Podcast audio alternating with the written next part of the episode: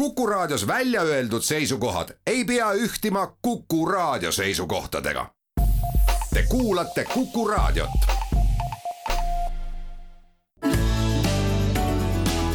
keskpäevatund. nüüd lendame, jah, lendame siit koos. hetk vaid pilve peal ja end leiad sealt, kus on pidu täies hoos nüüd lendame, jah, lendame siit koos. nüüd lendame siit ära käsikäes. vaid üks silmapilk, üks martiinitilk ja sa pilvi pealtpoolt näed. jah, lendame siit ära käsikäes siis kui silmist kaob maa, on me ümber stratosfäär, muutub kõik nõiapäev, kõrgel käivad sel ööl tähed oma kaugeid teid,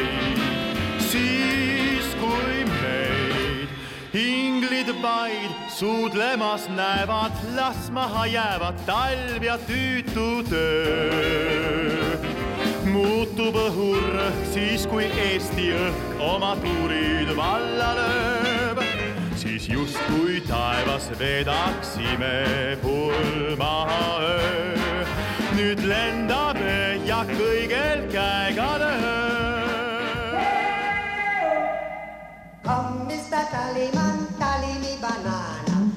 Uudiseid koduvabariigist. tere, siin Keskpäevatund ja Kuku raadio Tallinna stuudios Ainar Ruussaar, Marek Strandberg ja Priit Hõbemägi.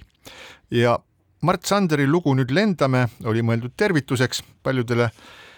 neile inimestele, kes selle nädala uudistes olulist rolli mängisid ja samal ajal lendasid kõrgelt, näiteks Euroopa Komisjoni liikuvuse ja transpordi peadirektoraadi peadirektorile Henrik Hololeile, siis Eesti Kontserdi vanamuusika ansambli Hortus Musicus juhile Andres Mustonenile ja veidi ehk ka Eesti Energia juhi ametikohalt lahkunud Hando Sutterile, aga me alustame Henrik Holo-, Hololeist kes siis oli kõige kõrgem Eestis startinud euroametnik, kellest sai peadirektoraadi peadirektor. Ja nüüd on ta teatanud, et pärast väikest skandaali, mis nädalapäevad keris, saab temast poliitiline nõunik ja selle põhjuseks on see, et sel ajal, kui Euroopa Komisjon pidas läbirääkimisi Katariga lennuliikluse teemadel, tegi kodanik Hololei mitu tasuta reisi Katari, sellesama Katari lennufirma kulul ja omavahel öeldes jääb täiesti arusaamatuks, miks inimene, kelle igakuine sissetulek tõenäoliselt ületab sada tuhat eurot, peaks võtma kelleltki vastu tasuta pileteid, noh, mis isegi parimal juhul ei saa maksta rohkem kui tuhat eurot no, no ju me sellest uurimisest, uurimisest teada saame, et äh, uurimise on algatanud nii Euroopa Liidu pettusevastane amet kui ka Euroopa Komisjon ise, et ootame need uurimise tulemused ära, aga jah, selles mõttes äh, ma olen sinuga nõus, et äh, ükskõik, milline on inimese sissetulek, kui ta on sellisel positsioonil Euroopa Liidu kõrge ametnik, siis noh, ma ei tea, üldiselt nagu tasuta kingituste vastuvõtmine ei oleks nagu selle töö juurde käiv asi no see ongi see, et kõige kummalisem selle asja juures on vabandus, mis kostub üsna, oleme ausad, idiootlikuna, et meil oli toona sellised reeglid, kus ma ise võisin kinnitada seda, mida ma ise teen. ehk et äh, selline enesekohane toimetamine, et kui ma ise ütlen endale, et ei ole mitte midagi viga, et see kõik on hästi, et siis see justkui kuidagimoodi leevendaks selle noh, kõigile ju nähtavalt arusaadava ebakohasuse, ebaõigluse ja veidruse ja suure hulga küsimusi, et öelda, et noh, et toona olid ju sellised reeglid, no missugusel moel on võimalik see kahtluse suits, mis on see, et kas ikka on nii, et lendasid niisama ja kas ikkagi see Katari lennufirma sai selle ikkagi ausas konkurentsis või kuidas iganes, aga noh, ega oleme ausad, ju äh, kogu Araabia kaupmeeste kultuur on ju üsna selline jõuline ja eesmärke saavutavad nad kõikvõimalike vahenditega, nii et ega midagi imestada ei ole ja igas riigis on oma tavad ja paraku tundub nii, et sellised nii-öelda, nii-öelda kummalised tavad on pisitasa ka omaks võetamas Euroopa Liidus. noh, ma arvan, et see on natuke laiem asi kui ainult Euroopa Liidu asi ja ja Euroopa Komisjoni asi, et noh, ma mäletan üks kümme aastat tagasi äh, Eesti väljaannete peatoimetajate kohtumisel oli tõsiselt kõne all see teema, et kui mõni minister või mõni ametkond ütleb, et saada ajakirjanik või saatku meediaväljaanne oma ajakirjanik seda visiiti kajastama, hotell ja edasi-tagasi lend ei ole teie probleem, vaid ministeeriumi probleem, siis peatoimetajad tõsiselt arutasid, et tegelikult ei tohiks see nii olla. ajakirjanik võib lennata, aga maksab toimetus ja see on kahtlemata ja, ja siis, et ähm, kingitus ei tohi ajakirjanikul olla kallim kui tass kohvi, aga parem äh,, kui kohvi eest maksad ise. BBC-s on äh, kakskümmend naela. No okei okay., nii et ähm, seal on ka kallimad kohvid, ütleme ja. ja, ütleme jah. nii, aga eks me siis ootame seda, mis siis Henrik Ololeis saab, mis äh, lõppkokkuvõttes näitab seda, et ükskõik kui kõrgelt sa lendad, äh, võib ka seal olla ees mingisugune pisikene äh, pisikene takistus, mis sind maa peale alla toob, aga see takistus, ma ütleks, on tavaliselt sinu enda sees. üks ja. asi on veel, mis äh, määrib, väärib märkimist, on asjaolu, et kui me mäletame toosama äh, Hololei, eks ole, väga tugevalt äh, ka Rail Baltic ettevõtmise eest seisnu ja seda kiitnu. Et äh, ma just mõtlengi seda, et kuidas me saame üldse, kuna selle Rail Balticaga seotult ju kõikvõimalikke probleeme, asjaolusid, et see ei pruugi olla piisavalt majanduslik, ehk et kuidas me saame üldse nagu vaadata kõikvõimalikke soovitusi, mida kõrgel järjel olevad Euroopa ametnikud ka enda kodumaalt pärit ütlevad, kui noh, see nii-öelda taust on nähtavalt lödi, et, et kas siis tõesti ka väited, mida ta on öelnud taevani kiitnud kogu seda Rail Balticut, et noh, kõik need asjad, mida on siis öeldud, et tegelikult ju ka ajast tagasi mõnes mõttes lahjendab see kõiki neid väiteid. nojah, aga noh, sõltumata sellest, milline on uurimise tulemus, siis Ollule ei pea kohvreid pakkima ja Euroopa Komisjonis on tal tööd endiselt. kusjuures sama palga eest, aga nimelt, ilma vastutuseta. et ta jätkab siis poliitilise nõunikuna komisjoni rahvusvahelise partner, partnerluse eest vastutavas osakonnas ja nii, nagu me siin oleme kuulnud, et äh, keegi täpselt ei tea, mida ta seal tegema hakkab, et ehk et see on selline klassikaline koht, et kui kellegagi juhtub midagi kehvasti suures ettevõttes, leitakse talle mingisugune positsioon, kuhu ta jääb siis mõneks ajaks oma endise töötasuga äh, siis edasi tegutsema ja mingisugusel ajal leitakse mingi teine lahendus, aga seda me kindlasti saame teada, et kuidas nende reisidega seal kõik oli, aga räägime nüüd siis äh, Andres Mustonenist, nimelt ähm, see on nüüd päris värske lugu ja väga tunnustatud, kogu maailmas tunnustatud vanamuusik Andres Mustonen, kes aktiivselt käib äh, esinemas mitmel pool maailmas, äh, käis muuhulgas märtsis Venemaal esinemas, käis Novosibirskis ja esines seal siis äh, koos ühe muusikuga, vähemalt ühe muusikuga, kes on ähm, ametlikult äh, aktiivselt toetanud Putini tegevust äh, Krimmis ja Ukrainas ja on alla kirjutanud ka sellele kurikuulsale Vene kultuuritegelaste kirjale, mis toetas Putini tegevust ja Krimmi hõivamist ja teatavasti see oli selline kord, kus siis Vene kultuuritegelased tõepoolest jagunesid kaheks, et ühed, kes kirjutasid vastu kirja ja ja ühed, kes kirjutasid toetava kirja ja nüüd siis käis Mustonen koos esinemas.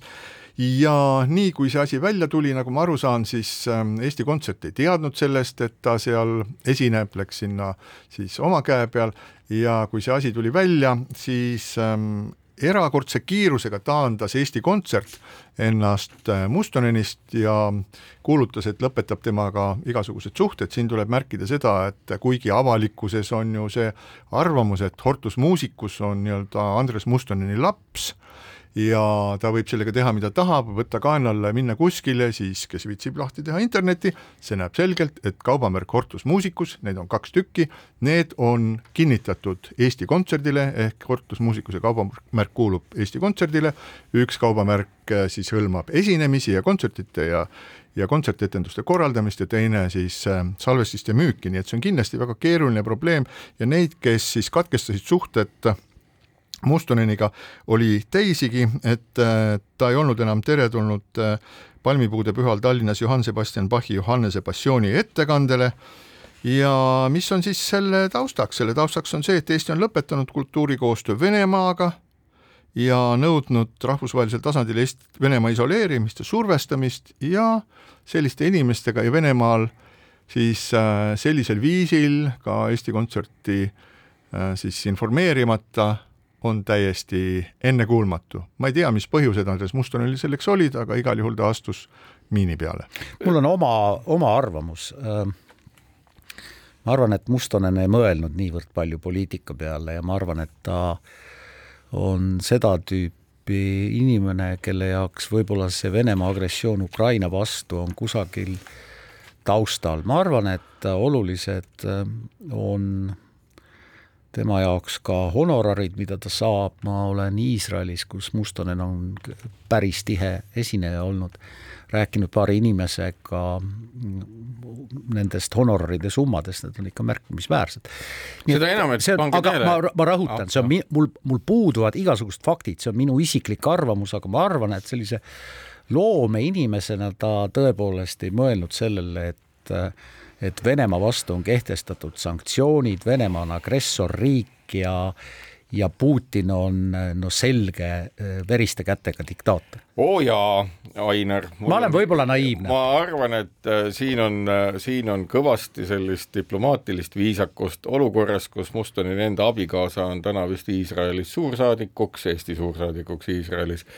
ja kõik muu sinna juurde, no antagu mulle andeks, no ei ole võimalik tänasel hetkel inimene, kes on nii-öelda ikkagi andekas loov, et nüüd nii asotsiaalne ja seoseid mitte määra, märkav ta maailmas ka ei ole. aga pole midagi, kui me kuulsime eile erinevatest kanalitest, siis nii-öelda pärast seda, kui Andres Mustonen ütles, et ei saagi ju must aru, kuna ma lendan nii kõrgel,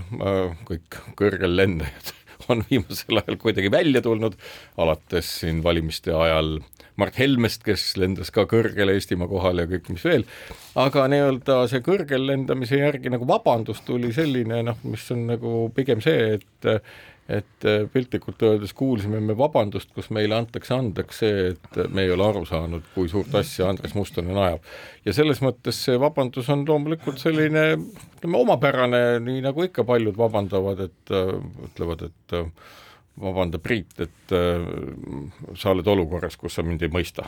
sa ju tunned ennast hästi äh, meeliülendavalt, kui ma olen sind kuidagimoodi solvanud või kogu rahvast solvanud, aga ega tegelikult probleemi ju ei ole, et me ju teame väga palju samasuguseid inimesi, kes on ka loomeinimesed igalt poolt maailmast äh,, Prantsusmaalt või Ameerika Ühendriikidest, olgu siis Gerard Depardieu või, või Steven Seagal, kes ju ka, ütleme ju ei ole siis piisavalt äh, armastatud, hõivatud olnud oma maal ja kes on leidnud nagu teise riigi, ehk et kui ikkagi inimesed ei mõista kedagi, siis ju inimese vabadus on valida endale elukoht, kus teda mõistetakse ja selles mõttes ega midagi hullu ju lahti mm. ei ole, et kas mis noh, tõepoolest, et kas siis me ei saa ju kohustada kõiki inimesi ei, Eestis ei, armastama äh, ühte, teist või kolmandat asja. jaa, aga ma pakuks veel paar aspekti siia veel, et üks äh,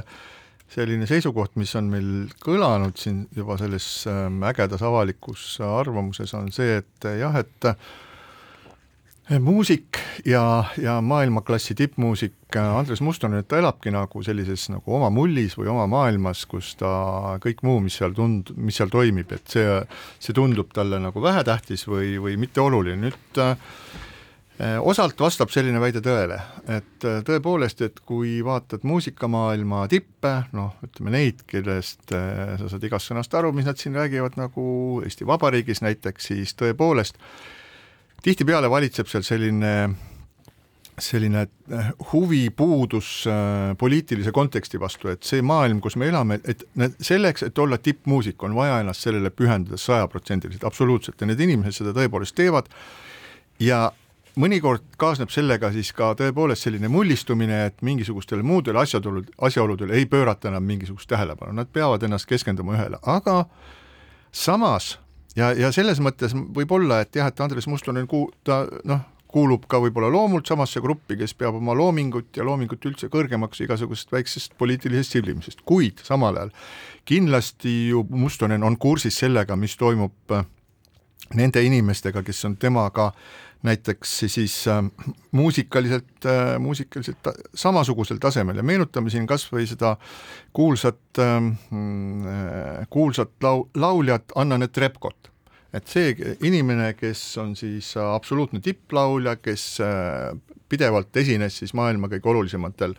kontserdilavadel Viinis, New Yorgi Metropolitan ooperas ja nii edasi ja nii edasi, pärast seda, kui ta pärast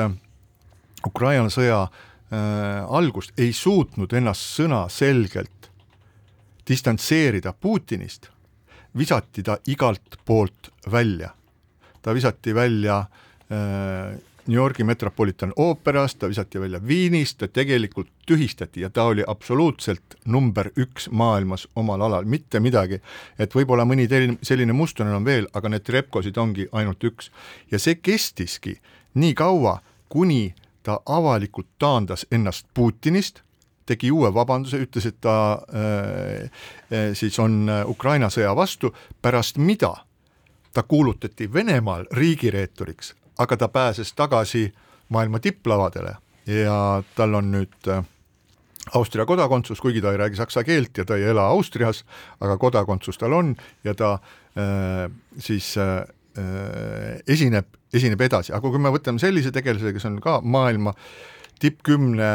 dirigendi hulgas nagu Valeri äh, Gergiev või tippviiuldaja Juri Bašmet, siis nendel on kõik lavad ja kõik teed läänes kinni, nad on oma alal absoluutses tipus, aga poliitiline kontekst on selline, et selliseid inimesi, kes ennast Putini sõjast ja nendest vägivallategudest ei taanda selgesõnaliselt ja klaarilt, nendega ei taheta mingit tegemist teha ja ma arvan, et Andros, Andres Mustonen nende inimeste saatusest oli kindlasti väga hästi teadlik ja see tähendab seda, et ta võttis kaalutletud otsuse. Ja see... nojah, vaata muusika, muusik, nagu sa ütlesid, peab keskenduma, tippmuusik peab keskenduma muusikale, aga ta peab ikkagi nagu elust aru saama, et ega sportlane, tippsportlane peab ka keskenduma spordile ja need vaidlused ei ole veel lõpuni veetud, aga aga ma kujutan ette, et väga paljud tippsportlased äh, on ka üsna kurbade nägudega, sellepärast et äh, ilmselt tabab neid äh, rahvusvahelistel võistlustel ja võib-olla ka olümpiamängudel boikott.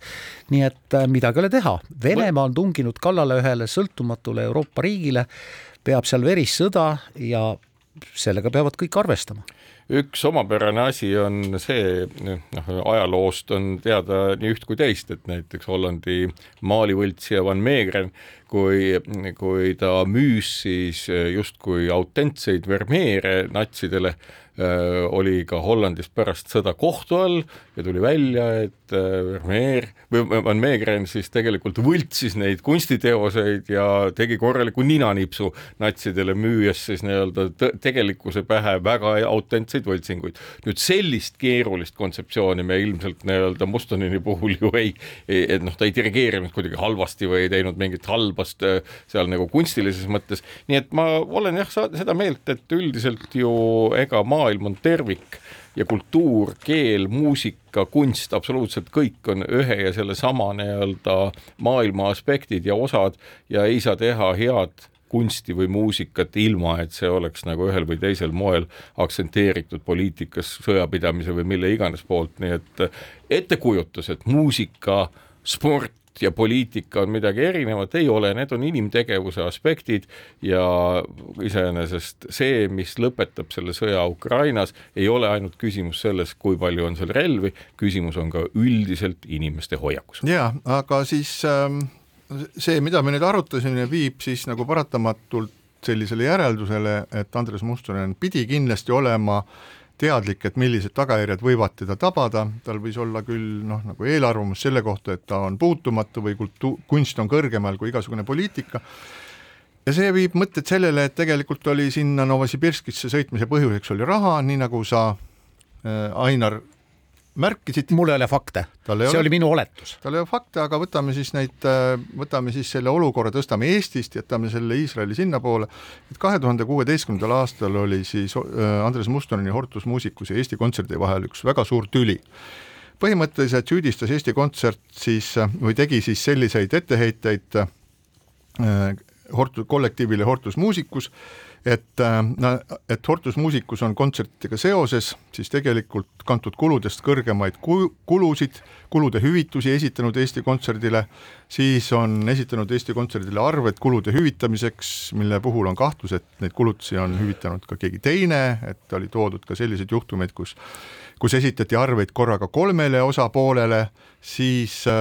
et võib-olla on makstud suuremaid töötasusid, kui, kui on, oleks mõistlik olnud ja ka selline asi, et Ortus Musicus äh, oli andnud, oli olevat andnud kontserti Eesti Kontserdiga kooskõlastamata ja kontserttegevusest on tulu saanud kolmandad isikud, sealhulgas need äh, ettevõtted või kes on seotud äh, Andres Mustoniga või tema ise. et see oli üks hästi suur tüli, kus Mustoni ja Hortus muusikut siis kahtlustati selles, et ta teeb kontserte väljaspool lep-, oma siis lepingulist suhet Eesti Kontserdiga, et ta võtab mujalt raha, et ta esitab sama asja eest arveid mitmetele-mitmetele inimestele. ja võib-olla just ähm, selle tõttu ongi olukord praegu selline, et Hortus Musicus on küll väga kuulus ähm, vanamuusik, aga kaubamärk või, või Andres Mustonen on väga kuulus vanamuusik ja, ja kahtlemata Hortus Musicuse isa, aga samal ajal Hortus Musicuse kaubamärgid on kõik registreeritud Eesti Kontserdi nimele ja selles mõttes on see olukord, mis on nüüd tekkinud, on väga keeruline. kui Eesti Kontserdi juht teatas, et nad lõpetavad suhted ja lepingud äh, Andres Mustoneniga, siis see põhimõtteliselt tähendab seda, et kaubamärgi valdajaks jäävad nemad ja mis saab edasi, seda on väga raske ennustada, aga leiba ja vaatemäng jätkub. aga tundub nii, et äh, kuna inimestel on siiski vaja anda selline võimalus enda, enda rehabiliteerimiseks, siis äh, Andres Mustonelingi on see võimalus, et no kui esimene äh, vastus avalikkuse huvile oli tõeliselt ebaõnnestunud, teine oli juba selline mm, mittevabandus, mis ütles, et äh, ma vabandan, et ma annan teile andeks, et te mind ei mõista, aga võib-olla kolmas tuleb siis siiram ja sisulisem, kui ta näeb, et need kaks esimest ei jõua nagu kohale nojah, ja ma arvan, et neid juhtumeid, mis on seotud Venemaaga, tuleb äh, uudiseid nende kohta tuleb lähemal ajal veel, et miks, kelle, kellele, millele sa vihjad, väga huvitav. ma ei saa nime öelda ta ei saa nime öelda, ta ei saa midagi öelda. ma ei saa nime tuleb. öelda, aga minu andmetel on üks, äh, üks päris tuntud inimene praegu Vene viisaga kas Donbassis või Mariupolis äh, ja sõitnud siis, sinna ei saa niisama nii, nii., aga väga huvitav. põnevad siis ka meedia jälgijatele järgmiseks nädalaks. põnev vihje ja siinkohal väike paus. keskpäevatund keskpäevatund jätkab, Ainar Ruussaar, Marek Strandberg ja Priit Hõbemägi, räägime nüüd äh, veel kõrgelt lendavatest inimestest. üks inimene, kes enam kõrgelt ei lenda, aga saab siiski vastavat tasu, on endine Eesti Energia tippjuht Hando Sutter, kelle tööleping lõppes eile ja nüüd on siis Eesti Energia juhatuse esimeheks üks inimene, kelle nimi pole mitte kellelegi veel meelde jäänud, esi, eesnimi on eesti, eestikeelne perekonnanimi on vene, kes ta on? Dureiko. Dureiko, väga hea, ühesõnaga ja Dureiko on siis ametisse astunud, aga see Hando Sutteri lahkumine, see on tekitanud sellise omapärase, ma ei tea, skandaali, ma ei tea, kas see on, kas see on torm veeklaasis või see on suuremate poliitiliste tagajärgedega ja selline mm, protsess, igal juhul. Sellesse on osalistena sisenenud nii peaminister Kaja Kallas, nii rahandusminister Anneli Akkermann, nii ähm, Eesti Energia nõukogu esimees, esi, esinaine Anne Mere kui, ähm, kui ka nõukogu liikmed, mille tulemusi on väga raske ette ennustada, põhimõtteliselt väljendas peaminister oma rahulolematust Eesti Energia tööga ja seega ka Hanno Sutteri tööga, tuues välja konkreetseid punkte, millest ta siis, millega ta siis rahul ei ole. Ja sedasama rahulolematust ja, ja, ja väljendas ka rahulolematust selles osas, et ähm, Hando Sutter saab tohutuid lahkumishüvitisi, mis võivad seal ulatuda kuni neljasaja tuhande euroni. Ja sama seisukohta väljendas siis ka Eesti Energia üldkoosolek ehk rahandusminister Anneli Akkermann, kuid nõukogu juht Anneli Mere ei võtnud seda kuulda ja nõukogu määras siiski eh, nõukogu jättis need hüvitused samaks, mille peale omakorda valitsus asus tegema vastusamme ja vahetas välja inimesi. Nõukogust ja teatavasti on nõukogus inimeste väljavahetamine üheks selliseks võtteks, millega saavutatakse teatud häälte, häälte osakaal, mis võimaldab jällegi vastu võtta selliseid otsuseid ja lahendusi, mis meeldivad neile, kellele see ettevõte kuulub, antud juhul siis Eesti Vabariigile. nojah, tegemist ei ole ju mitte millegi ebaseaduslikuga selles mõttes, et nii lahkumishüvitised kui ka preemiad ja kõik need on ju kokku lepitud kas töölepingus või, või äh, nõukogu poolt äh, heaks kiidetud kordades. tegemist on populistliku pahameelt külvava juhtumiga noh, inimesed, kes saavad elektriarveid või inimesed, kes on elektrita nädalaid istunud ja mõned neist on endale igaks juhuks soetanud elektrigeneraatori ja saavad ikkagi elektriarveid, noh, ilmselt emotsionaalselt on tõepoolest nõutud või või pahased, aga midagi ei ole teha, Eesti Energia maksab tänavu üle kahekümne miljoni euro rohkem dividende kui mullu valitsus kinnitas Eesti Energia tänavu eelmise aasta eest riigieelarvesse makstavate dividendide summaks. kuuskümmend kaheksa koma üheksa miljonit eurot, see on tohutu raha, mille Eesti Energia riigile toob, nii et noh. no kui oota, sa nüüd jätad nagu sellise mulje, et kuidagi Ando Sutter on selle raha kokku kaapinud, me ju teame ei, kõik, et kogu ei. see hiigeltulemus, Eesti Energia hiigeltulemus on saavutanud selle tõttu, et Putin alustas sõda ja energiahinnad lendasid lakke ja selles mõttes see raha lihtsalt ei varises taskusse. Äh, Priit, äh, kuula nüüd minu poolt äh, parema kõrvaga ka seda, mida ma räägin. ma ütlen, et tegemist on kindlasti pahameelt külvava juhtumiga. inimesed, kes on olnud nädalaid ilma elektrita, inimesed, kes saavad elektriarveid ja inimesed, kes on pidanud ostma endale elektrigeneraatori, sellepärast et kunagi ei tea, kas elekter on või ei ole, kui väljas vihma sajab, ei ole kindlasti sellega rahul ja kindlasti on see ebatavaliselt suur hüvitis, aga tegemist ei ole, ma kordan, tegemist ei ole ebaseadusliku hüvitisega, vaid selle on heaks kiitnud nõukogu, need on kirjas ilmselt töölepingutes, ehk siis noh, ehitame õlgu ja ei, vaatame lakke. sul on õigus, Ainer, täpselt nii ongi. lihtsalt olukord on milline? olukord on selline, et meil on tekkimas täiesti uus ilming, kus äh, kuidagi kummalisel moel on tekkinud äh, riigile kuuluvate ettevõtete nõukogud, mis ei peagi just nagu arvestama sellega, millega omanik, antud juhul siis nii-öelda üldkoosoleku näol rahandusminister, kes Eesti Energiat nii-öelda siis omab, et neid nagu üldse ei kuulata neid ei peagi kuulama, sellepärast et nõukogu tunneb enda volituste määra kõrgemal olevat kui rahva mandaadiga minister, mis tähendabki seda, et seesama nii-öelda pahameel ja seesama nii-öelda noh, ettevõte ei saa olla pelgalt lepingupõhine, ettevõte ei saa olla pelgalt üteldes, et aga juriidiliselt on kõik korrektne, see ongi nii, et juriidiliselt on kõik korrektne. Ja nüüd, kui me näeme seda, kuidas ettevõtet juhitakse moel, kus öeldakse, et juriidiliselt on kõik korrektne, meid nagu asjaolu, et see turg on veider ja et selle nii-öelda kasumi maksjaks ei ole keegi muu kui needsamad arvete maksjad, kelle jaoks peredel nii-öelda see koormus on läinud väga suureks, selle suure tuluallikas on riik, milline maksab iga kilovatt-tunni pealt või maksis peale viis eurosenti. Ja tulemuseks ongi see, et tegelikult see raha kuhjus kasumi poole peale mitte Hando Sutteri tegevuse või nõukogu tegevuse tõttu, vaid olukorra tõttu, kuidas lahendati nii-öelda sedasama hinnatõusu ühel, teisel või kolmandal moel. ja kui me meenutame, et kas ühelgi hetkel oleks nii-öelda märganud me kordagi, et kui seati seesama nii-öelda standardteenus või mis iganes selle nimi oli äh,, hinnatasemega, et kas siis Eesti Energia võttis selle omaks? ei, nad hakkasid vaidlema, et sellega nad ei saa ikka midagi tagada kusjuures nii-öelda selles mõttes see nii-öelda äh, piirhinna sättimine energiale oli väga õige nii-öelda pimesoole operatsioon, mis iseenesest selle turu normaliseeris. Ja, ja nüüd me oleme olukorras, kus me loeme ajakirjandusest ilmselt sellesama nii-öelda nõukogu enda poolt avalikkuse ette toodud kirju kus nõukogu esimees kirjutab omanikule, kuidas tema asjadest aru ei saa, ehk omanik ei saa asjadest aru. aga omanik kirjutab vastu eh, oma etteheidetest Eesti Energia tegemata jätmist. aga kas te kujutate ette, et päris eraettevõttes mingisugune selline jauramine aktsionäridega üldse toimuda saaks pikemalt kui kolm minutit? lubage, ma valgustan teid. valgustage meid. mina lubage. kui endine siis äh, avalik-õigusliku ringhäälingu nõukogu liige, kus ma olin mitu aastat, siis ähm, selle ja, ja siin ma, ma võin eksida selles, kas äh, nüüd äh, avalik-õigusliku ringhäälingu ja riigiettevõtte nagu Eesti Energia nõukogudel on mingis mõttes erinev funktsioon, aga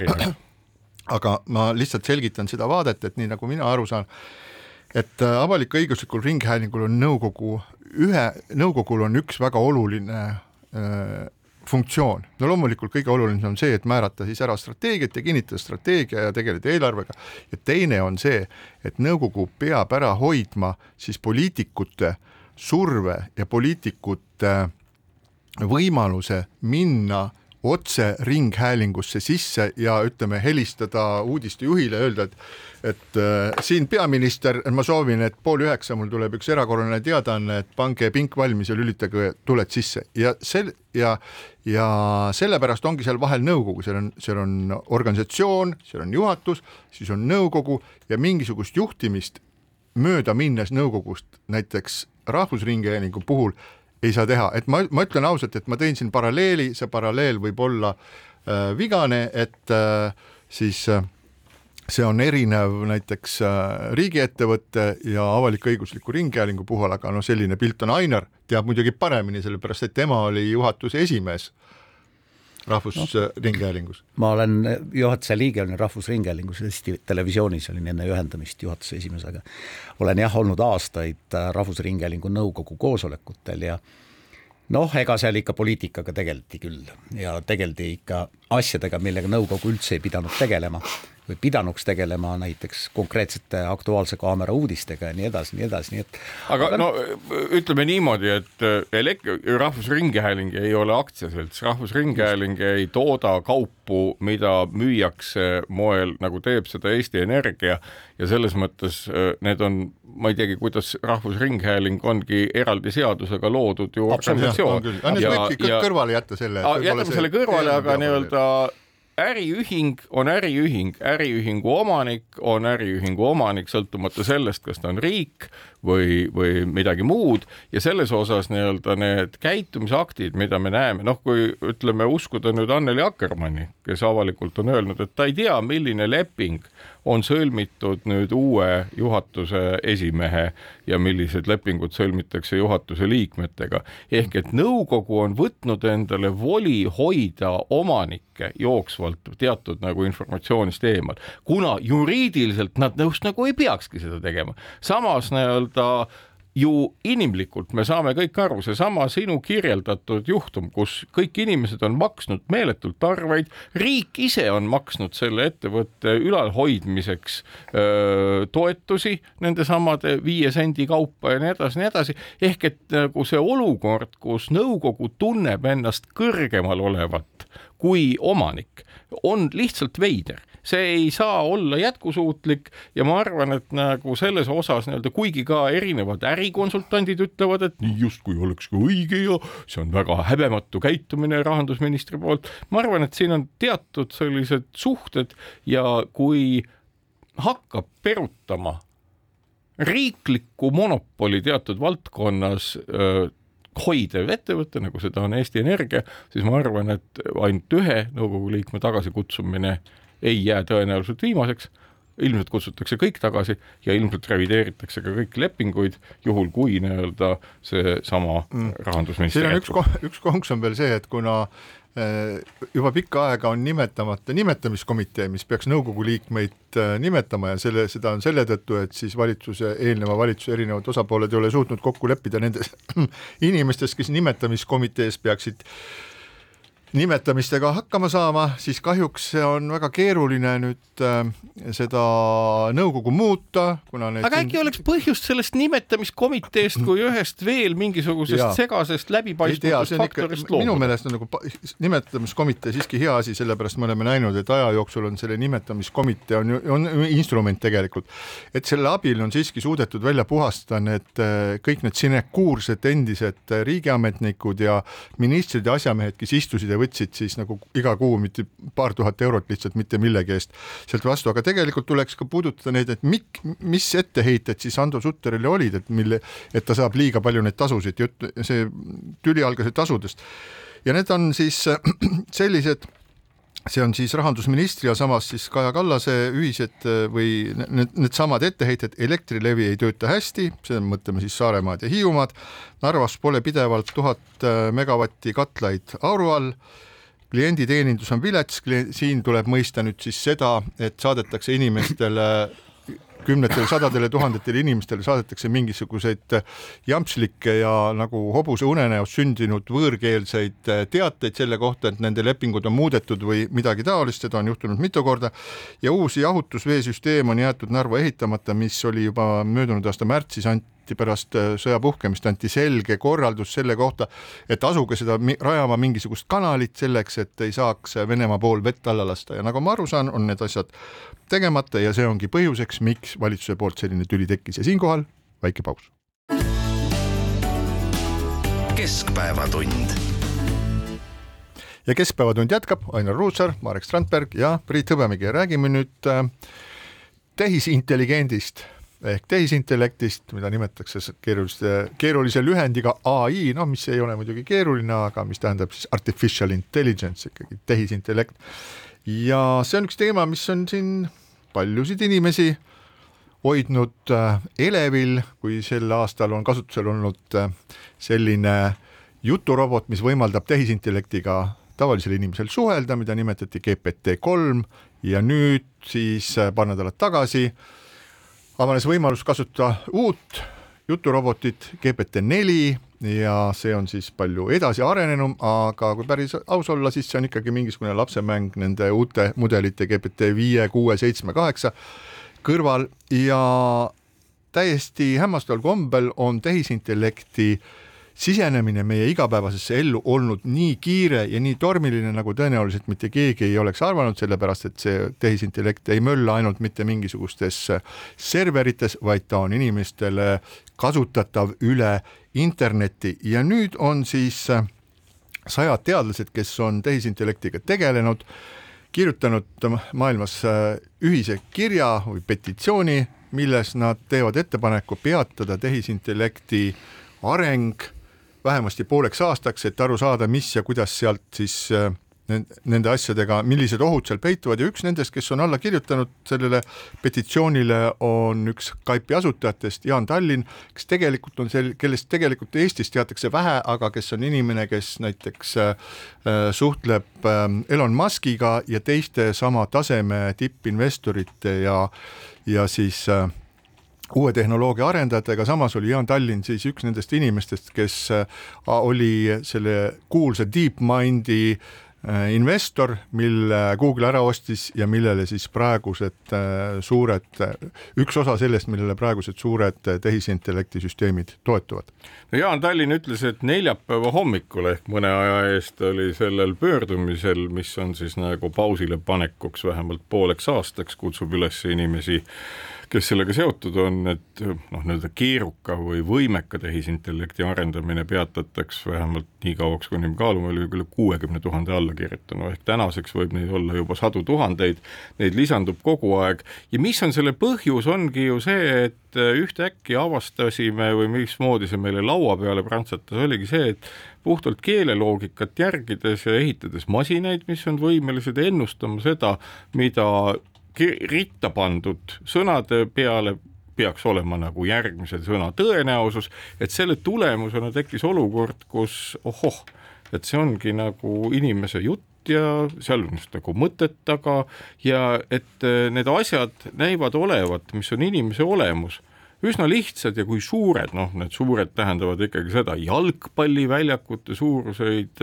serveriparke, kümneid ja sadu, mis suudavad nii-öelda neid andmeid töödelda, et nende andmete töötlemisest tekib tegelikult ennustusvõime, mis on meeletu, et ja mis on ohtlik, ongi nüüd nagu see või millisele ohule rõhutakse, on see, et kui see ennustamisvõimega ja iseenesest kõneleda suutev masin hakkab iseennast nagu tagasisidestama ja hakkab nagu looma uusi masinaid ja tehisintellekte ja ka võib-olla uusi olendeid, noh, kas siis bioloogilisi või muulaadseid, keegi ei tea seda täpselt, et siis inimene lihtsalt mingil hetkel võidakse marginaliseerida ja mingil hetkel nii-öelda kustutada evolutsioonipildist. ja see, see tundub nagu, oh kuidas see nii saab olla, aga kõik tehisintellekti asjatundjad, kellega ma kõnelenud olen, olgu siis äh, keeleteadlased või arvutiteadlased, ütlevad, et see eelmisel aastal detsembrikuus juhtunu,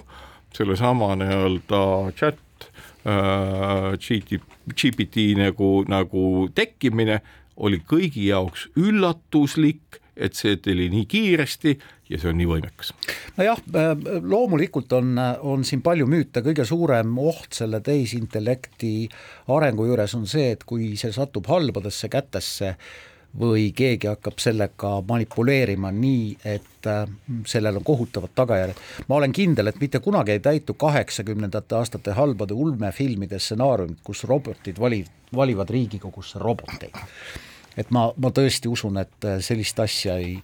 ei, ei teki ja noh, meil on isejuhtivad autod ja meil on olukord, kus äh, veel kakskümmend viis aastat tagasi inimesed eksisid suurtes linnades ära ka siis, kui paberkaarti vaatasid, aga enam seda võimalust ei ole, sellepärast nutitelefon aitab välja, ehk siis äh, areng on, areng on ikkagi paratamatu, aga mm, kui keegi väidab, et äh, tänu tehisintellektile saavad õpilased esitada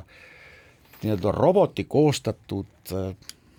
töö, siis ma küsin, et Äh, mis roll on õpetajatel, kes peaksid ikkagi aru saama, kas töö on kirjutanud õpilane või robot? oot, aga äh, jõuame selle õpetajani, ma taht-, tahaks nagu kommentaariks öelda su jutu peale, et et see nagu seisukoht, et kui see äkki kurjade kätte jõuab, see on ammu kurjade käes. Hiina äh,, Iraan, Venemaa tegelevad äh, tehisintellektiga, see on tõenäoliselt üks äh, nende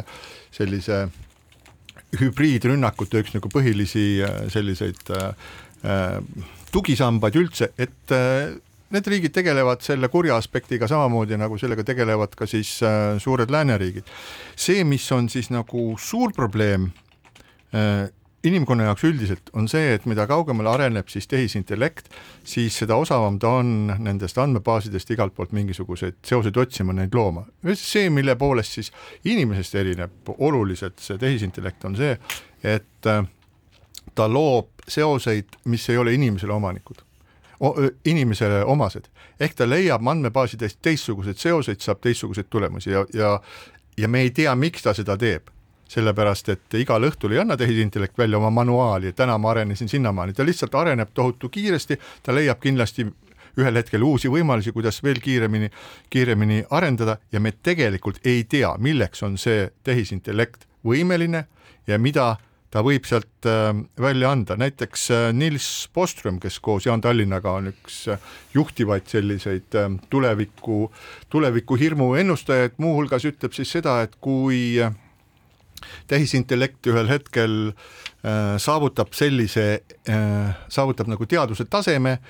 siis ta tõenäoliselt võtab sellise arengutee, kus ta otsustab, et nüüd meil tuleb, meil tuleb siit kohast tehisintellektil tuleb siit kohast edasi minna. ja sellisel, sellises punktis tehisintellekti jaoks inimene on absoluutselt äh, väheväärtuslik asi. tehisintellekt, suure tehisintellekti sihtmärgid on kusagil kosmoses, väljaspool, väljaspool atmosfääri ja selleks, et äh, rahulikult siis nagu ehitada mingisuguseid masinaid või asuda universumit vallutama, tuleks kõigepealt hävitada atmosfäär, sest et see on üks väga takistav asi et siis suhelda teiste planeetidega ja kui atmosfäär on hävitatud, siis loomulikult ei ole enam ka inimest. üks asi on selge, et kahekümne kahe aastasena, kui Isaac Asimov tuhat üheksasada nelikümmend kaks sõnastas inimest säästvad nii-öelda robootika põhiseadused, et need robootika põhireeglid on ammu unustatud ja me elamegi maailmas, kus me ei saa loota enam seda, et ühe ulmekirjaniku poolt kirja pandud tegelikult ka kehtib. ja peame olema tähelepanelikud, nii nagu ka Jaan Tallinn soovitab ja ütleb, et ei, et veel seda seda singulaarsust saabunud ei ole,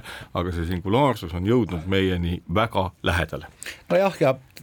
tegelikkus on juba praegu selline, et kui me vähegi kasutame meediat, sotsiaalo-, sotsiaalmeediat, tehnoloogiat, siis tegelikult teatakse meie kohta palju rohkem, kui me ise enda kohta teame juba täna no jaa, aga noh, ütleme nii, et kui me räägime suurtest meediamajadest eh, nii välismaal kui Eestis, siis eh, kõik juba kasutavad eh, tehisintellekti. Ehk neid ai lahendusi, need aitavad panna kokku uudiskirjasid, need aitavad koostada võib-olla mingisuguseid lehekülgi, need teevad, koguvad andmeid siis kasutajate kohta, et see töö kogu aeg käib, et mingisugusel tasandil sellisel äh, noh, ütleme sellisel rahulikul inimeste igapäevaelus ja äriettevõtmist igapäevases elus edasi arendavas ja toetavas tegevuses on tehisintellekt siis on kasutusel, aga noh, hirmuäratav on just nimelt see singulaarsus, kus, mis tähendab siis seda, et sellisel suurel tehisintellektil tekib ka nagu teadvus, et see nagu see, see tehnoloogia ja inimteadvus sulanduvad ühte, et mis, mis siis saab. Ja, ja seesama Jaan Tallinn on ju äh, investeerinud, ütleme, tohutuid kümnetesse miljonitesse ulatuvaid summasid tehisintellekti arendavate firmad, firmadesse selleks ainult, et saada seal nõukogu liikme koht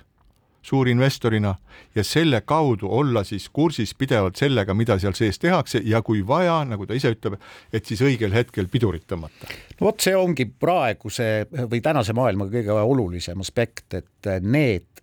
kes on sündinud inimeseks äh,, oleksid kohtadel, kus neil on võimalik tõmmata pidurit, juhul kui asi läheb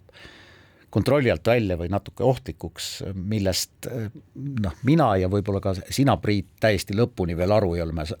ei ole saanud, kui suur see oht võib siis ikkagi olla. tõsi, ja siinkohal lõpetame oma tänase saate, täname teid kuulamast, väljas paistab päike ja kohtume taas järgmisel nädalal. keskpäevatund